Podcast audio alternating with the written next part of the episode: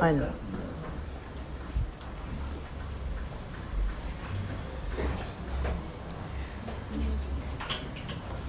Kardeşlerim, biz öğretmenlerin daha titiz bir yargılanmadan geçeceğini biliyorsunuz. Bu nedenle çoğunuz öğretmen olmayın. Çünkü hepimiz çok hata yaparız. Sözleriyle hata yapmayan kimse bütün bedenini de dizginleyebilen yetkin bir kişidir. Bize boyun eğmeleri için atların ağzına gem vururuz. Böylece bütün bedenlerini yönlendiririz. Düşünün, gemiler de o kadar büyük olduğu güçlü rüzgarlar tarafından sürüklendiği halde dümencinin gönlü nereye isterse küçük bir dümenle o yöne çevirirler. Bunun gibi dil de bedenin küçük bir üyesidir. Ama büyük işlerle övünür. Düşünün, küçücük bir kıvılcım koca bir ormanı tutuşturabilir. Dil de bir ateş, bedeninizin üyeleri arasında bir kötülük dünyasıdır. Bütün varlığımızı kirletir. Cehennemden alevlenmiş olarak yaşamımızın gidişini alevlendirir. İnsan soyu her tür yabanıl hayvanı, kuşu, sürüngeni ve de ve deniz yaratığını evcilleştirmiş ve evcilleştirilmelidir. Ama dili hiçbir insan evcilleştiremez. Dil öldürücü zehirle dolu. Dinmeyen bir kötülüktür. Dilimizle Rabbi babayı överiz. Yine dilimizle Tanrı'yı benzer yaratılmış insana söveriz. Övgü ve övgü aynı ağızdan çıkar. Kardeşlerim, bu böyle olmalı, olmamalı. Bir pınar aynı gözden tatlı ve acı su akıtır mı? Kardeşlerim, incir ağacı, zeytin ya da asma incir verebilir mi? Bunun gibi tuzlu su kaynağı tatlı su veremez. Aranızda bilgi ve anlayışlı olan kim? Olumlu yaşayışla, bilgelikten doğan, alçak gönüllükle iyi eylem iyi eylemlerin göstersin. Ama yüreğinizde kin, kıskançlık, bencillik varsa övünmeyin. Gerçeğe yatsımayın. Böylesi bilgelik gökten inen değil, dünyadan, insan doğasından, cinlerden gelen bilgeliktir. Çünkü nerede kıskançlık, bencillik varsa orada karışıklık ve her tür kötülük vardır. Ama gökten inen bilgelik her şeyden önce paktır. Sonra barışçıldır, yumuşaktır, uysaldır. Merhamet ve iyi meyvelerle doludur. Kayırıcılığı, ikiyüzlülüğü yoktur. Barış içinde eken, barış yapıcıları doğruluk ürününü biçerler.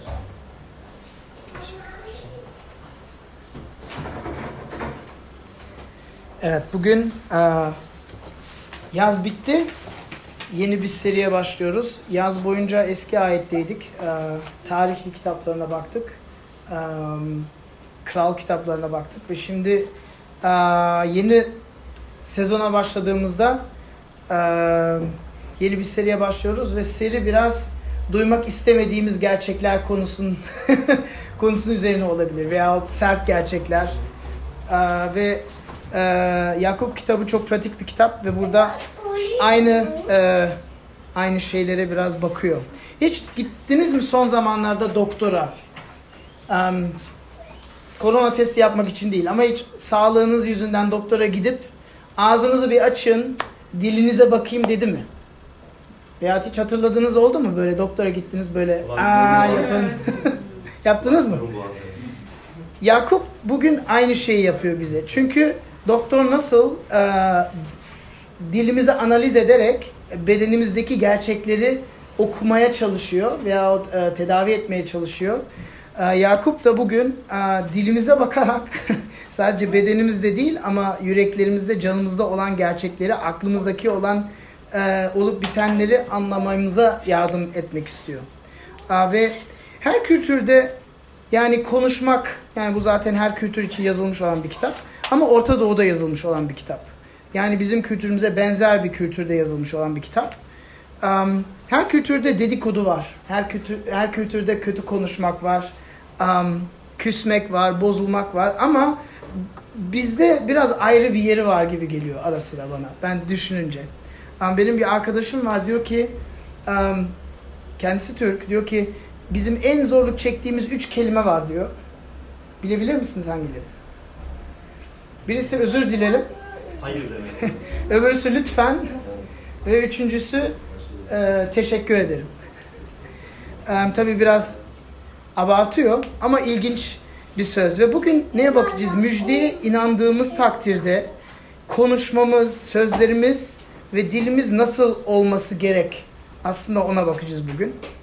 Ve size üç tane üç tane fikir, üç tane düşünce getirdim. Birisi sözlerin gücü, ikincisi sözlerin zehiri ve üçüncüsü zehirin iyileştirilmesi. Sözlerin gücü, sözlerin zehiri ve sözlerin e, zehrin iyileştirilmesi. Um, ilk beş ayete baktığımızda sözlerin gücünü çok net bir şekilde gösteriyor Yakup bize. E, Yakup biliyorsunuz İsa'nın e, kan kardeşi. Yani İsa onun büyük abisi oluyor. Aynı ailede büyüdüler. E, onun için onun mektubu e, ilginç bir e, ilginç bir e, şey onu okumak ve düşünmek ha bu ya sanki Yunus ve Taylan gibi yani iki aynı ailede büyüyorlar. Ve sözlerin gücünü bize çok net bir şekilde gösteriyor. Um, ilk önce öğretmenlerden başlıyor. Ve diyor ki ya öğretmen olmayı istemeyin çünkü daha sıkı bir yargılama yaşayacağız. Şimdi sonradan genel alana geçiyor ama şimdi bu ne alakası derseniz bakın ne kadar fazla söz kullanırsak öğretmenler, hocalar çok fazla söz kullanıyor. O kadar daha büyük bir tehlike içindeyiz. Sözleri iyi bir şekilde değil, olumsuz bir şekilde kullanmakla ilgili. Ve onun için öğretmenler daha sıkı bir yargı yaşayacak diyor. Allah sözlere son derece önem verir. Kutsal kitabı okuduğumuzda, baktığımızda İsa'nın kendi sözlerinden başlayabiliriz. İsa Mata 12'de diyor ki, her boş söz için yargılanma gününde Tanrı'ya hesap vereceğiz diyor. Her tek boş konuştuğumuz söz için. Bu çok ya çok korkutucu bir gerçek bence. Bilmiyorum kendi boş sözlerimizi bir saydık mı? Ama e, çok ciddi bir konu. Öz değişlere gidersek Süleyman'ın, Süleyman biliyorsunuz en bilgin insandı. İsa'yı parantez içinde alırsak. Özdeyişler 18'de şöyle diyor. Ölüm ve hayat dilin elindedir diyor. Ölüm ve hayat dilin elindedir. Um, Yakup bize üç tane mecaz, üç tane örnek veriyor. Uh, dilin gücünü bize göstermek için, sözlerin gücünü göstermek için. Diyor ki atların ağzına konan e, e, şeyi düşünün diyor. Ben kelimesini şu anda hemen bulacağım şimdi. Gem vuruyoruz. Atların ağzına gem vuruyoruz diyor. E, atların ağzına gem vuruyoruz ve o kadar güçlü hayvan olduğuna rağmen bu küçücük gemle atı sağa sola e, dirige ediyoruz. Direksiyonu belirliyoruz. İkinci örneği gemiler diyor. Gemiler çok büyük gemiler var diyor. Yani ama gemilerin dümenine baktığımızda küçücük bir parça diyor ama bütün gemiyi o yönlendiriyor diyor. Üçüncü örneği beşinci ayette orman diyor. Bir orman küçücük bir kıvılcımdan alevlendirebilir diyor. Um, çok uh, kuru ülkelerde yaşadığımızda e, biliyorsunuz ne kadar kötü orman yangınları çıkıyor. Hepsi küçücük kıvılcımdan kaynaklanabiliyor. Ve diyor ki dil de böyle diyor. Yani dilin gücünü bizi göz önünde götürüyor ve biz birçok zaman farkında değiliz. Veya farkındaysak çok çabuk unutuyoruz bu dilin gücünü. Hatta en başında gidersek yaratılış, yaratılış bire gidersek sözün gücünü aslında çok net bir şekilde görüyoruz. Çünkü Tanrı ne yapıyor? Konuşarak her şeyi yaratıyor. Yani biz insanlar tabii Tanrı gücüne sahip değiliz ama bizim de her kullandığımız söz bir gerçek yaratıyor. Kendimiz için bir gerçek yaratıyor. Konuştuğumuz şey üzerine bir gerçek yaratıyor ve etrafımızdaki insanlar için bir gerçek yaratıyor. Bunu bilinçli bir şekilde göz önüne getirmemiz lazım.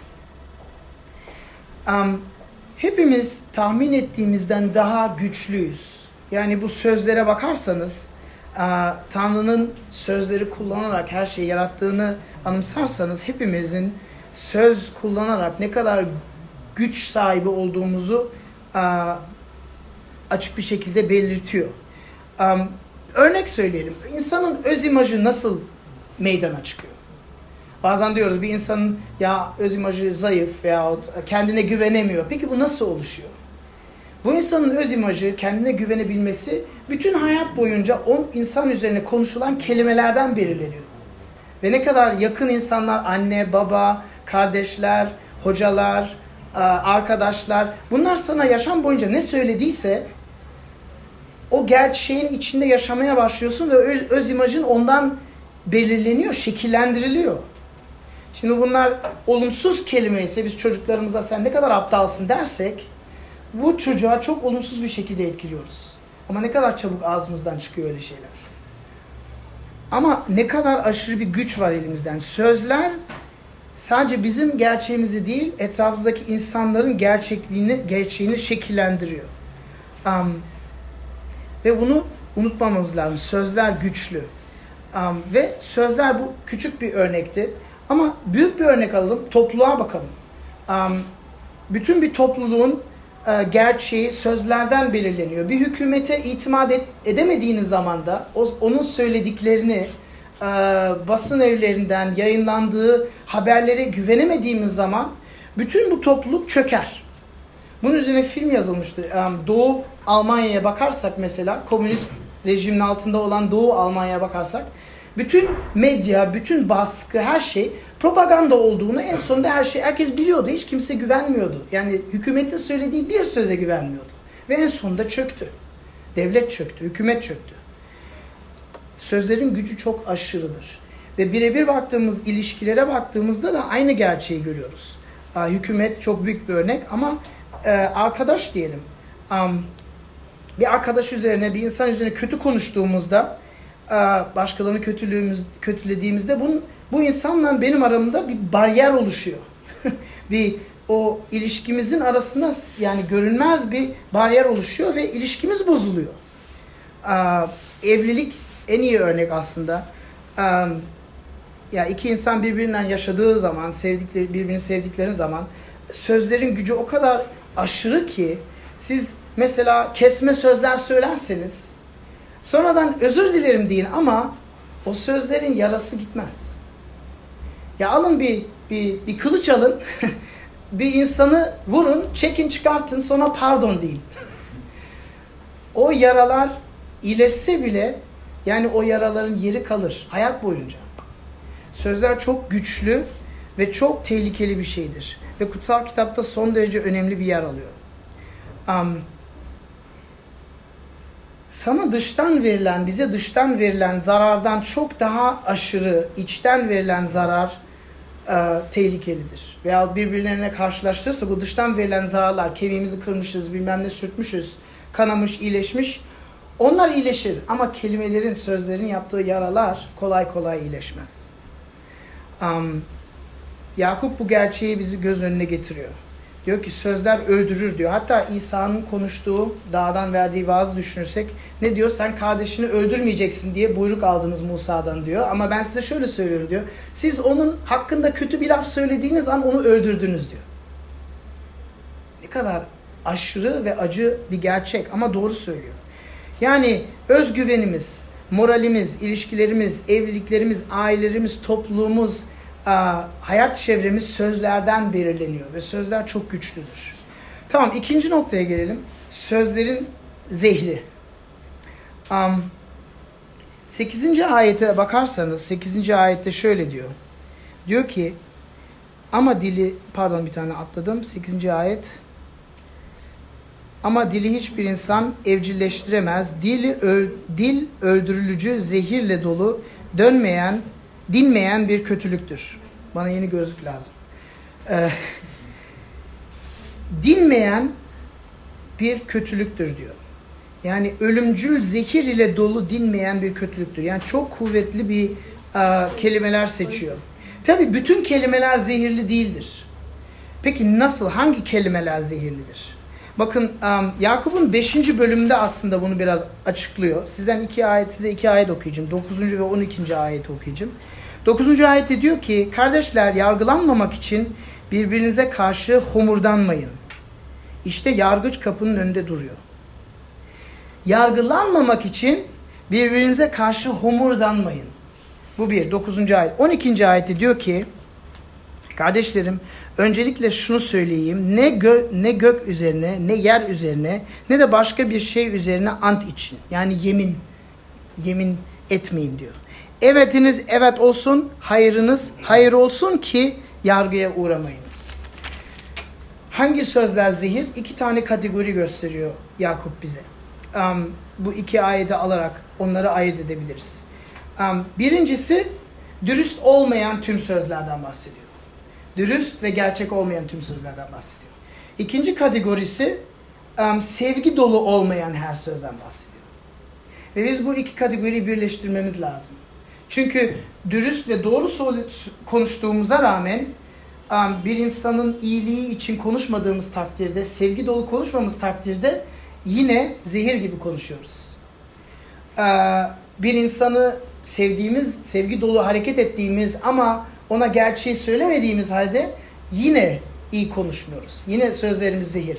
Sözlerimizin olmadığı yerde söz olmadığı için zehir. Yani bu iki kategoriye bakmamız lazım ve çok e, çok önemli şeyler.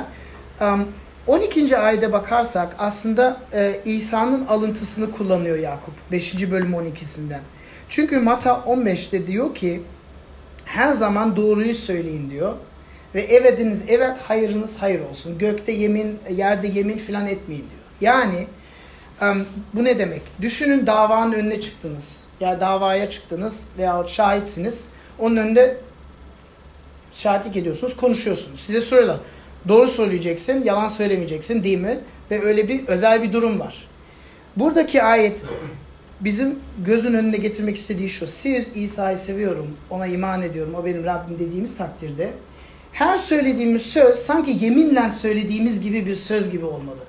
Yani her söylediğimiz söz o davaya çıkıp konuştuğumuz durum gibi olmalı. Evetiniz evet olsun, hayırınız hayır olsun. Bu bir. Um, dokuzuncu ayete bakarsak birbirinize karşı humurdanmayın deyince yani birbirinizi severek um, birbirinizi yücelterek konuşun demek istiyor. Ve bakın yani bunlar çok negatif şeyler. Pozitifi alırsak Efesli mektubunda Paulus şunu diyor dördüncü bölümde diyor ki sevgi dolu dürüst olmak iki şeyi birleştiriyor. Sevgiyi ve dürüstlüğü birleştiriyor ve öyle hareket edin diyor. Öyle hareket edin, öyle davranın, öyle konuşun diyor. Ve 29. ayette diyor ki konuştuğunuz her söz yararlı olsun ve karşındakini geliştirmeye ve onun ihtiyacını karşılamaya denk gelsin diyor. Bak standart bu. Standart yüksek mi? Elbette yüksek. Kolay mı? Hayır hiç de değil. Ama standart bu. Um, konuştuğunuz her söz sevgi dolu ve dürüst olsun, yararlı olsun, karşındakinin gelişmesine, ihtiyacını karşılamaya denk gelsin diyor. Bir düşünelim. Bunun ikisini nasıl birleştirebiliriz? Çünkü ikisi aynı anda olması lazım. İkisinin aynı anda bir araya gelmesi lazım. Hem sevgi dolu sözler hem de dürüst ve gerçek sözler. Bakın Dürüst sözlerin karşılığı ne? Yalan söylemek değil mi? Yalan söylemek. Yalan söylediğimde ne oluyor? Karşımdakini ya kullanıyorum ya sahte bir gerçek yaratıyorum. Dedik ya sözler bir gerçek yaratıyor dedik. Biz Tanrı'nın suretinde yaşadık, yaratıldık. Bizim de sözlerimizden yaratıcı gücümüz var. Sahte bir dünya, sahte bir gerçek yaratıyorum. Karşımdakini alçaltıyorum. Hatta ezebiliyorum bile. Belki de ona verdiğim iyiliği vermiyorum. Verebileceğim iyiliği geri tutuyorum. Bunun kötü bir şey olduğu belli. Yani bunun üzerine fazla durmamız lazım değil. Ama bir insana yalan söylediğimizde ona e, haksızlık etmektense sahte bir gerçek yaratıyoruz. Onu sömürüyoruz belirli bir derecede. Onu kullanıyoruz. Ama yalan söylemenin başka bir şeysi de var. Başka bir boyutu da var. Susmak da yalan olabilir. Nasıl olabilir? Çünkü bildiğimiz önemli bilgiye sahip olduğumuzu korkudan paylaşmaz ederse, paylaşmazsa o zaman o zaman da yalan söylüyoruz. Bu da dürüstçe bir davranış değil. Um, ikisi de zehirli sözler. Yani yalan sadece doğruyu söylememek değil. Doğruyu söylememek yerine yalan söylemek, yanlış bir şey söylemek değil. Hiçbir şey söylememek de doğruyu söylememek yerine geliyor. Aslında Türk dilinde çok güzel. Yalan söylemek nedir? Doğruyu söylememek. Doğruyu gizleyerek de söylemeyebilirsin. Ve ikisi de zehir oluyor. Peki sevgi doluya bakalım. Sevgi dolu olmayan sözler nedir? Bakın Süleyman şöyle dedi özdeyişlerinde 25. bölümde dedi ki tatlı dil en güçlü kemiği, en güçlü direnci kırar dedi. Tatlı dil en güçlü kemiği, en güçlü direnci kırar. Bu ne demek? Um, bir örnek düşünelim. Um,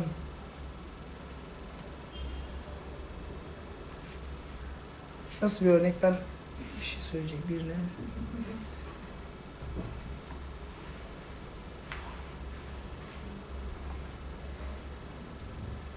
Ha birine mesela pardon kendi yazımı okuyamıyorum. Ben buna alışmam lazım yine. Ee, düşünün bir insana onun duymak istemediği bir gerçeği söylemek istiyorsunuz. Um, siz bir şey görüyorsunuz ve ondan paylaşmak istiyorsunuz. Ee, anlatmak istiyorsunuz. Şimdi bunu nasıl yapacağız? Kaba, sert bir şekilde anlatırsak karşımızdaki insan ne yapar? Hemen geri çekilir, kendini savunur ve aslında onun durumu baştan daha da kötü duruma düşer. Genelde öyle oluyor değil mi? Bilmiyorum. Ee, yani aslında yapmak istediğiniz tam karşılığını elde etmiş oluyorsunuz. Ee, daha kötü yapmış oluyoruz. Ve aslında ilk adımda kendimize şu soruyu sormamız lazım. Onları yeterince seviyor muyum? Söylediğim şey doğru olsa da söyleyiş tarzını belirleyen şey benim yüreğimde ona karşı bir şey var mı? Ben onu gerçekten seviyor muyum? Onun faydası için mi konuşuyorum? Çünkü bunu yapmıyorsam o zaman onu ezicim veyahut cezalandırıcıyım veyahut eleştiricim ve bu iyi olmayabilir. Çünkü dediğim gibi ilk durumları son durumlarından daha iyi olabilir. Doğru ve dürüst konuşmamız lazım aynı anda. Ama sevgi dolu ne demek alçak gönüllü. Um, ve yapamıyorsak kendi yüreğime bakıp ben bunu yapamayacağım diyorsam o zaman beklememiz lazım. Beklememiz lazım çünkü e, doğru zamanda konuşmak diye bir şey var. Başka konu.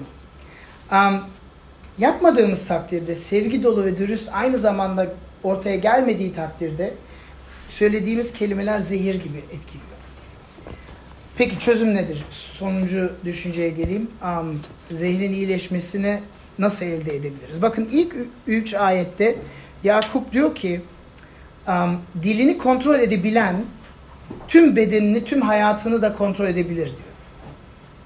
Beden, dilini kontrol edebilen insan bütün bedenini kontrol edebilir diyor. Yani bu çok üstün bir, güçlü bir şey diye bize göz önüne gö götürüyor.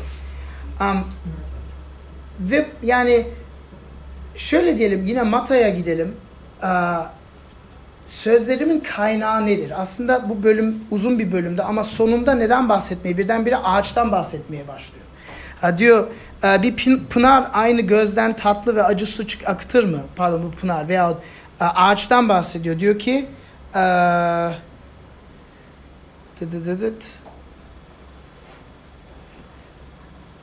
kardeşlerim incir ağacı zeytin ya da asma incir verebilir mi diyor. Yani bu aslında yine İsa'nın bir alıntısı. Çünkü İsa diyor ki iyi ağaç iyi meyve verir diyor ve kötü ağaç kötü meyve verir diyor. Ve um, bu sözler nerede nereden geldiğini uh, göstermek istiyor Yakup. Sözlerimiz nereden geliyor? Sözlerimiz yüreğimizden geliyor. Uh, yüreğimizin içinden geliyor. Yani bunun çözümü nedir? İki tane strateji öneriyor aslında Yakup. Birincisi bunun ciddiyetini kavramak.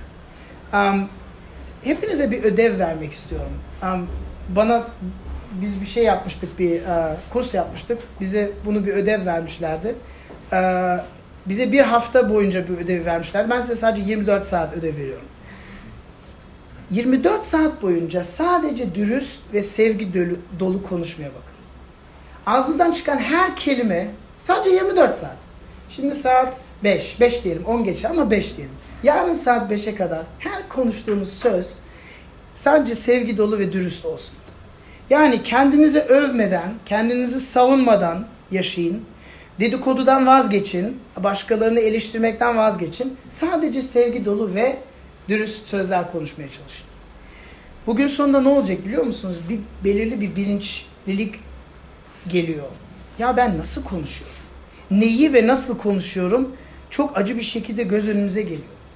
Ve Yakup'u anlamak için e, o aşırı dili cehennemin alevlerinden bahsediyor sonuçta. E, bu bilinçlenmek çok önemli ilk bir strateji. İçimizde ne var? Ve bunun bu neden var? Um, ikinci aşamada e, Yakup'un İsa'dan alıntı kullandığını anlayıp İsa sonra çünkü diyor ki yani neden iyi meyve, iyi ağaç iyi meyve getirir, kötü kötü ağaç kötü meyve e, ortaya çıkarır? Çünkü diyor ki ağzınızdan çıkan her kelime yüreğinizden kaynaklanıyor diyor. Ve diyor ki çünkü ağız yürekten taşan e, taşanı söyler diyor. Yani yüreğimiz neyle doluysa ağzımız da ondan doluyor. Peki ikinci stratejimiz yüreğimizdeki olanları anlayıp yüreğimizi değişik bir şekilde doldurmak. Yürekten taşmak aslında böyle bir aşırılıktan bahsediyor. Yani hayatımızda en fazla hayal ettiğimiz şey nedir? İyi bir şey olabilir. Belki e, benim ailemin mesela iman etmesini çok aşırı bir şekilde istiyorum. Annemin babam. İyi bir şey olabilir. E, ama yine de çok fazla istediğim takdirde kötü bir şeye dönüşebilir. Örnek vereyim. Genelde böyle bu adanın üzerinde adada bunları konuşacağız. Yüzeysel putlar ve derin putlardan bahsediyoruz. Um, yüzeysel putlar değişebilir ama derin putlar genelde hiçbir zaman değişmez. İnsan hayat boyunca um, Türkçe'de var ya yedisinde neyse yetmişinde odur. Aynı putlarla başa çıkmaksında mecbur maalesef.